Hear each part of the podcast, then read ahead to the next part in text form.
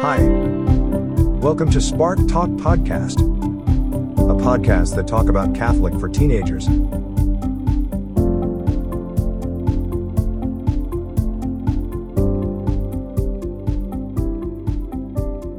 Dari lelahnya aktivitas sehari, hanya satu yang dinanti, hari libur tak dibatasi bersama orang terkasih. Halo semuanya, selamat datang di Spark Talk episode kedua.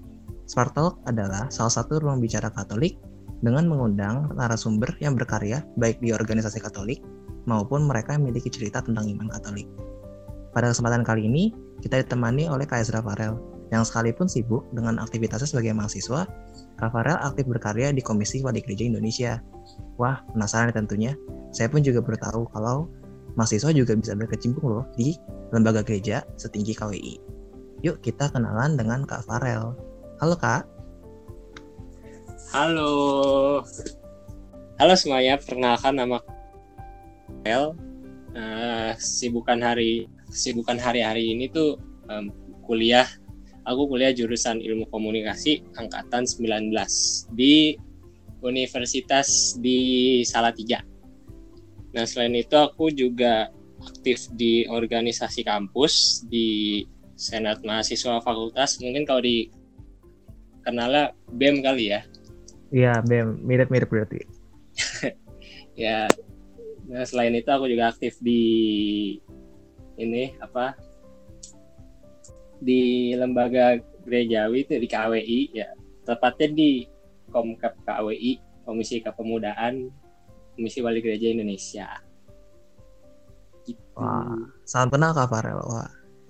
Ada IG mungkin buat di yang berminat untuk follow-follow asik. Oh, ada dong. Itu di follow aja Instagramku Ezra Farel underscore 05. Oke, jadi catat tuh ya buat teman-teman yang pengen langsung follow. Jadi Kak Farel ini banyak beraktivitas ya.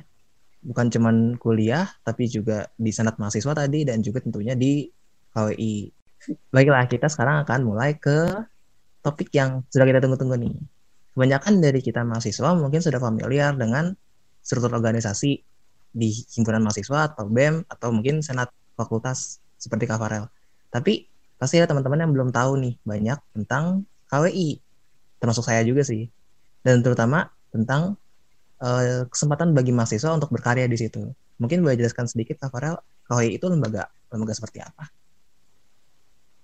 Uh, jujur ya, aku juga belum terlalu paham sih apa def, definisi lebih rincinya gitu tentang KWI. Nah, aku jawab sebisa aku ya itu jadi sepengertian itu KWI organisasi gerejawi Katolik ya. Itu dan di dalamnya itu apa aku kan pernah beberapa waktu lalu aku pernah nyamperin kantor ya di KWI itu di daerah Cikini. Jadi di dalamnya itu terdapat banyak apa namanya eh, komisi-komisinya gitu. Jadi di dalamnya ada komisi sosial terus ada komisi keluarga terus ada komisi kepemudaan di tem itu tempat aku sekarang aktif. Terus pokoknya ada banyak itu yang untuk melayani lah gitu para ini umat Katolik ya gitu sih pengertianku. Wah, jadi banyak bidang-bidangnya di mana KWI berkontribusi buat orang-orang Katolik di Indonesia nih. Iya begitu. Wah, terutama seksi pemudaan ya, Kak Farel ikut iya. seksi pemudaan. Iya. Uh, kebanyakan dari kita kan masih belum pada tahu ya bisa mahasiswa bisa berkarya di KWI itu dari mana sih gitu. Mungkinkah Kak Farel tahu dari paroki informasinya atau dari teman atau bagaimana nih? Oke, jadi uh, pada awalnya aku juga aku juga nggak tahu gitu gimana apa seorang mahasiswa gitu loh baru aku baru berapa belas berapa baru 19 tahun bahkan masih muda banget bisa berkontribusi gitu di lembaga sebesar ini ya bisa dibilang. Nasional uh, ya nggak sih? iya nasional kan uh, itu benar-benar nggak tahu. Sampai pada suatu hari di tahun lalu ya 2020 aku dikasih tahu gitu sama temenku kalau ada uh, suatu acara gitu. Itu kayak apa pelatihan online gitu. Bukan bukan bukan webinar gitu. Kalau webinar kan kita duduk nonton kan biasa berkarya gitu kan lewat media sosial kan apalagi lagi pandemi gini media sosial tuh perannya sangat besar gitu. Di bukan buat kita doang ya mungkin untuk semua orang lah bahkan. Jadi aku mulai tertarik oh gimana sih caranya? Tuh nah ternyata dari dari event tersebut uh, di akhir tuh kayak apa ditawarin gitu.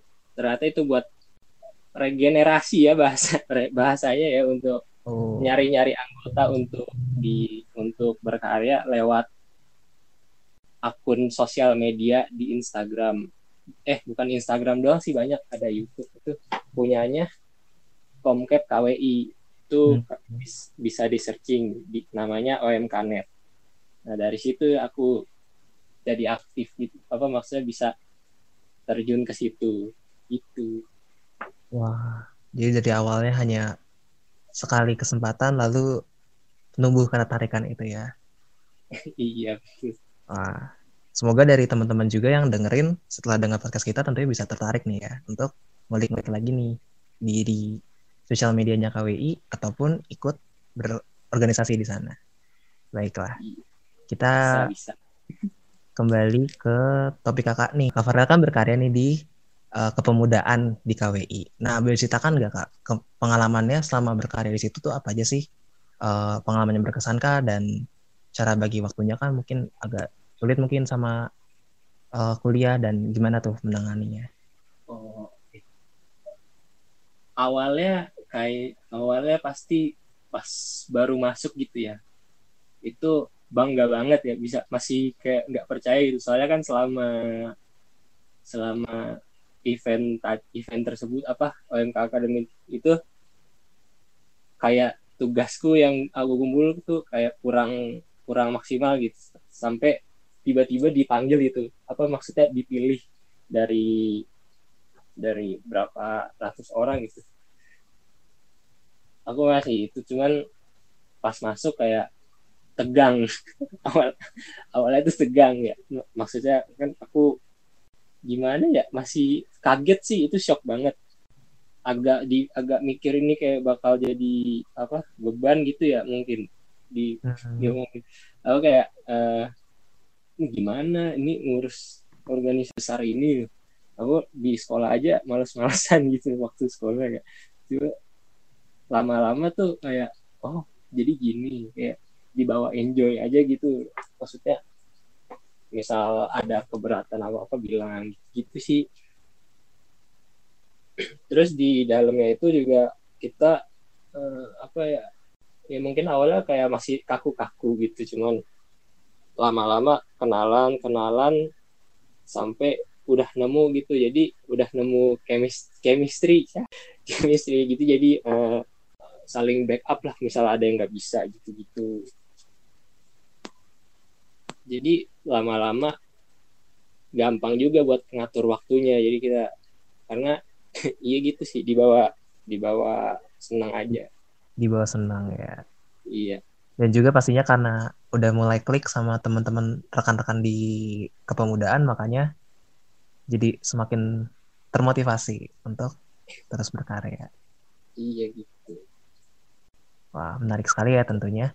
Pasti buat teman-teman juga yang pernah terlibat di HIMA atau BEM pasti bisa relate nih dengan cerita Kak Farel di kepemudaan KWI.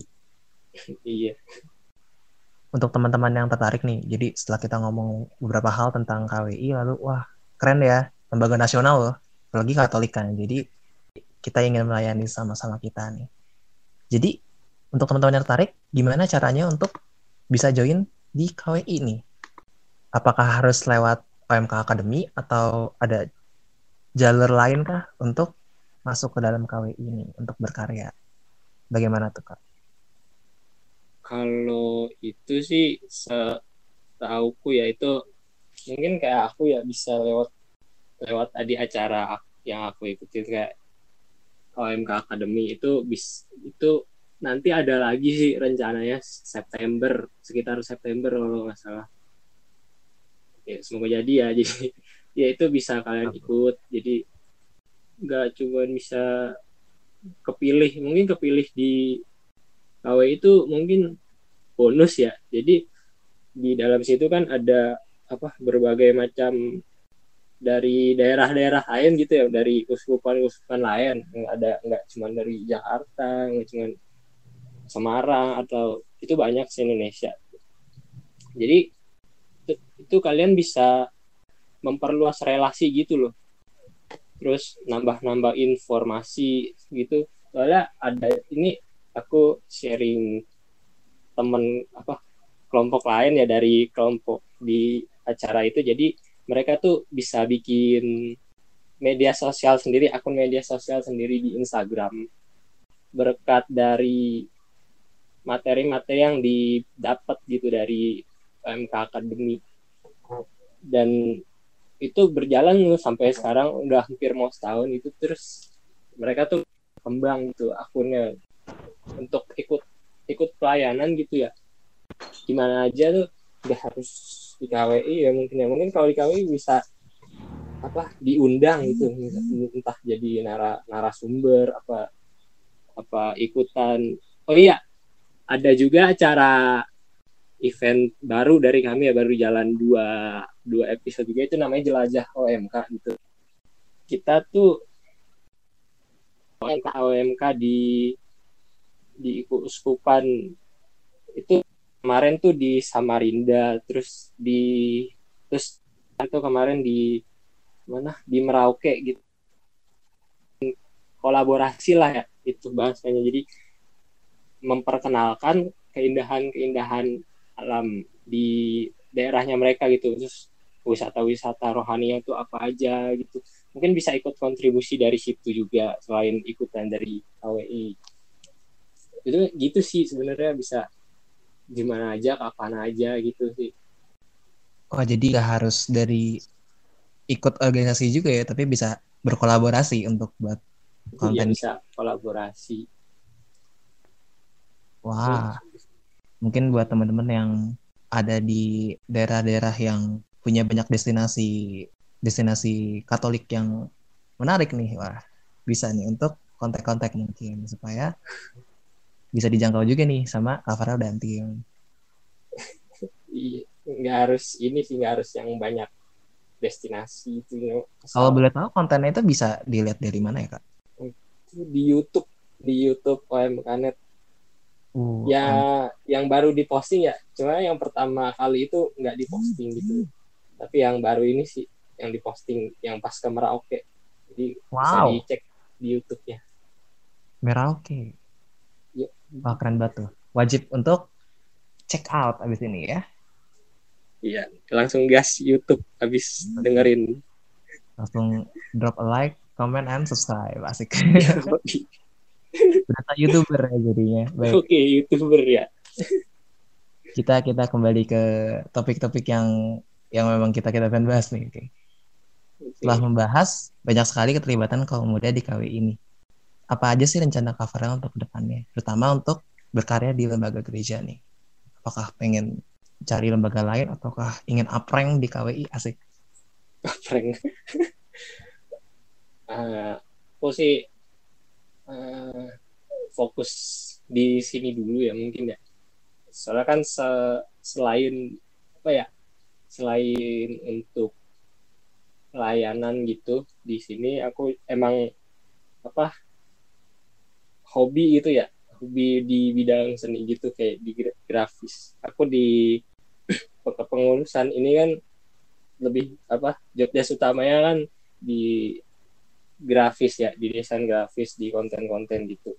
Nah itu sih aku lagi fokusin gitu udah untuk ke depannya nanti gitu sih Eh iya untuk bekal lah gitu cuman kalau untuk pelayanan aku mau apa namanya ya lebih maksimalin lagi sih di sini gitu Hmm. jadi ngebantu juga menjangkau menjangkau gitu sama membantu para OMK yang ingin aktif tapi belum kesampaian gitu. Soalnya kan aku emang udah pernah di titik itu. Maksud maksudnya tuh kayak di saat aku udah ada di sini terus aku tahu masih masih banyak masih banyak orang-orang muda yang kepengen aktif. Bingung caranya mungkin aku bisa bantu gitu lewat lewat sini gitu. Itu sih. Karena terkadang kita pengen aktif kita pengen berkarya tapi kita nggak tahu mau lewat mana. Jadi Kafarel ingin membantu supaya makin banyak karya-karya yang bisa ditampilkan di setelah mendengar cerita Kak Farel, kira-kira apa saran dari Kak Farel untuk teman-teman pendengar yang sudah tertarik untuk berkontribusi di lembaga gerejawi namun masih takut atau belum yakin dengan kemampuannya sendiri? Apa aja sih rencana dampak-dampak positif yang dirasakan dari keaktifan di lembaga gerejawi untuk uh, nge-push teman-teman kita nih yang masih bingung-bingung nih? Bagaimana tuh Kak? Uh, mungkin ini sih ya, uh, jangan takut untuk step up gitu. Step up. Uh, aku ngerasain juga sih awalnya kayak takut. Apa bukan takut sih lebih? Pasti itu ada apa orang muda orang muda sekarang itu cenderungnya mager tau gak sih? Kayak ah males bikin ginian apa sih? Gitu. Tapi, iya cenderung tidak mau memulai ya. Iya. Tapi uh, ikut ikut aja dulu gitu maksudnya lo kalau hmm, urusan males atau enggak itu di itu dikebelakangin dulu. Mungkin ikut aja dulu misal ada ada acara ada event gitu. Nah itu biasanya ya biasanya. Di pas ikut kita jadi kayak seru nih. Gimana caranya? Gitu loh. Jadi kita makin terpacu untuk nyari informasi gitu buat ini gimana sih cara ikutannya sih? Gitu. Mungkin, hmm. mungkin gitu. Cuman nah dari situ bahkan mis dari situ bisa nggak menutup kemungkinan gitu kita bakal kesampaian gitu buat aktif secara tidak sadar ya gitu ya. Bisa aktif. jadi ikut ngalir aja ya dengan iya ikut ikut ngalir gitu. Asal ini loh apa pas udah dapet apa namanya sih udah dapet niatnya itu dipelihara gitu. Jadi niatnya tuh nggak nggak cuman datang doang kayak ah kayaknya seru nih terus besoknya ah udah mager gitu. Gitu ya. Tapi kita pelihara gitu sih apa uh, niatannya itu. Kayak ini gimana ini gimana? Jadi tetap tetap carilah gitu terus harus semangat juga ya buat menjalaninya misalkan udah aktif gitu ya. Kayak inget aja gitu kayak awalnya tuh gimana kayak ah waktu itu kan aku minta untuk ikutan aktif terus pas udah aktif sekarang kenapa males gitu? Itu itu mungkin ada ya tahapan-tahapan itu mungkin itu bisa jadi apa namanya refleksi itu biar kita buat tetap semangat buat uh, ikutan pelayanan gitu sih. Gitu kan. Dari pelayanan itu juga kita bakal jadi buat bakal dapetin banyak banget apa namanya dampak-dampak positif gitu ya. Selain apa namanya memperluas memperluas pertemanan gitu atau iya gitu memperluas pertemanan ya itu lebih utama sih ya. Terus entah juga misal aktif di lingkungan gereja gitu kan bakal apa ya, memperkuat iman juga gitu nggak sih? Kayak misalkan kita bakal lebih sering doa. Ya aku sih ngerasa gitu sih bahkan semenjak semenjak ikutan ini tuh jadi aku sama teman-teman tuh tiap malam tuh ikutan doa malam gitu-gitu sih. Itu positif banget sih itu dampaknya yang aku rasain sih. Mungkin buat teman-teman pas aktif nanti bisa tuh kayak tiap tiap malam. Kalau minimal kalau misal males nih ya dibikin berapa hari sekali gitu nanti naik naik jadi jadi tiap hari gitu. Gitu.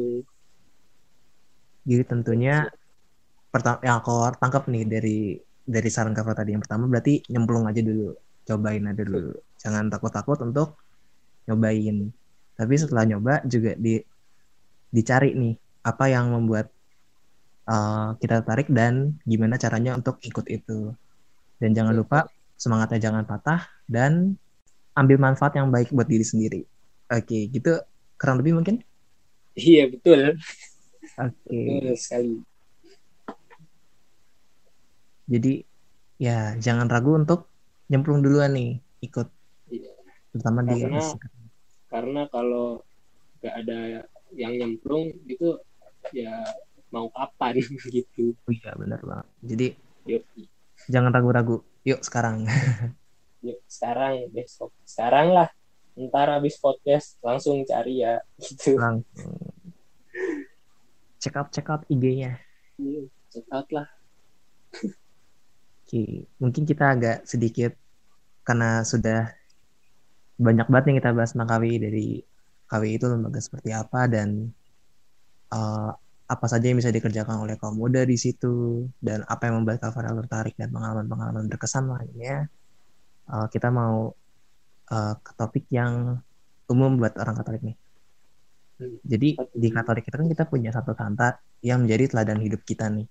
Baik itu dari nama baptis, dari nama krisma, atau ya bukan dari situ namun yang menjadi teladan hidup kita dalam sehari-harinya. Siapakah santo atau santa yang menjadi teladan untuk Kak Farel? mungkin Santo dari nama nama baptis apa ya? Santo Gregorius. Gregorius. Kalau boleh tahu bagaimana tuh Kak uh, ketadanan dari Santo Gregorius yang berkesan buat Kak kalau dari kisahnya Santo Gregorius itu aku tahunya tuh kan uh, di saat paus saat itu wafat Santo Gregorius ini tuh dipilih gitu buat untuk menggantikan paus tersebut ya yang pada saat itu sudah wafat. Nah, dia itu kayak nggak mau gitu maksudnya kayak nggak mau ah mending aku hidup di apa dalam keheningan di biaranya gitu saking nggak maunya tuh dia menghindar tuh sampai dari sampai dia tuh menyamar gitu loh. Nyamar terus sembunyi di goa. Walaupun orang-orang tuh pengen gitu dia jadi paus. Mungkin orang-orang percaya kalau dia tuh si Santo Gregorius ini tuh mampu gitu. Nah jadi pada saat dia udah nggak bisa ngelak lagi gitu mah udah nggak bisa menghindar dia dibawa ke Roma. Nah dengan pasrahnya itu dia dipilih dilantik itu untuk menjadi paus.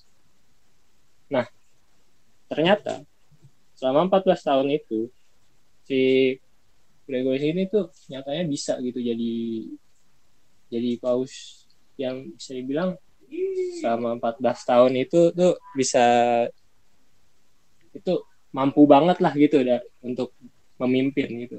Nah itu sih yang aku ambil itu walaupun kita udah punya kemampuan gitu, udah punya mampu tapi kita males. Di saat kita punya suatu momen itu yang benar-benar gitu walaupun kita males itu kayak kayak aku tadi kan cerita kayak ah males nih kayak ikutan acara ini. Terus padahal pas aku ikut aku tuh bisa gitu. Ini tuh relate banget jadi kisahnya sama aku gitu loh. Cerita tadi kan yang aku mau daftar ya OMK Academy itu tapi aku agak males tapi ya udahlah karena udah udah diajak gitu ya mungkin ya. Alasan aku tuh waktu itu udah diajak itu udah udah gitu kan aku waktu itu joinnya sama temen. Jadi kayak aku ya udahlah ikut aja ngalir aja gitu. Dan ternyata tuh aku bisa gitu. Jadi ini toko ini tuh kayak relate banget gitu loh sama aku loh. Ya, ternyata tuh aku bisa sampai sini gitu loh. Bisa atau enggak sebelum kita benar-benar nyoba nih. Iya gitu. Oke. Keren. Keren kan Nah, karena durasi pembicaraan kita juga sudah mendekati 30 menit, uh, kita sampai ke akhir pembicaraan kita nih. Jadi, uh, aku mau minta dari Kak Farel pesan untuk muda-mudi Katolik nih, terutama untuk anggota keluarga mahasiswa Katolik FMIPA UI. Apa nih?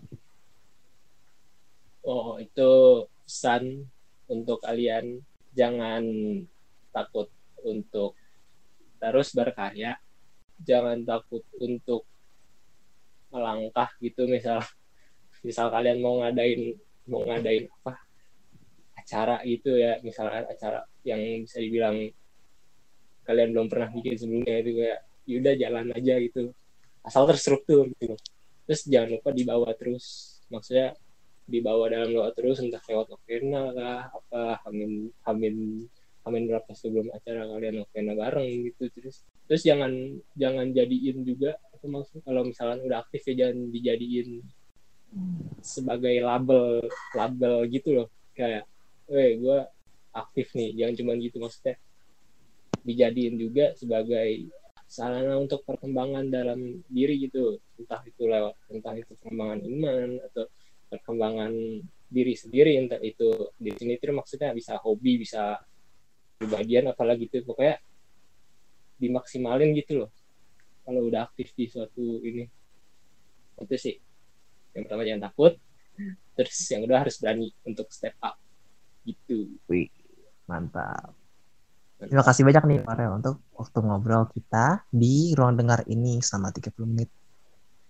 Uh, dan semoga dari apa yang kita obrolin hari ini menjadi inspirasi untuk teman-teman mendengar untuk step up nih, untuk Yeah.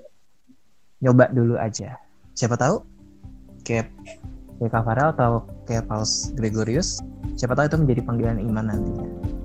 Dengan ini, uh, Spark Talk episode kedua bersama Kak Farel sudah berakhir. Saya membawa acara undur diri. Sampai jumpa di Spark Talk episode selanjutnya. Terima kasih. Terima kasih semuanya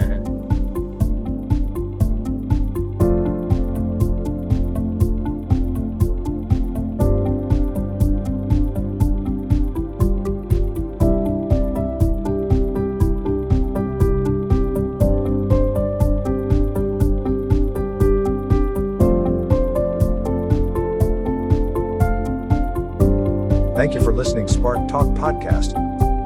Stay tuned for the next episode. And have a nice day.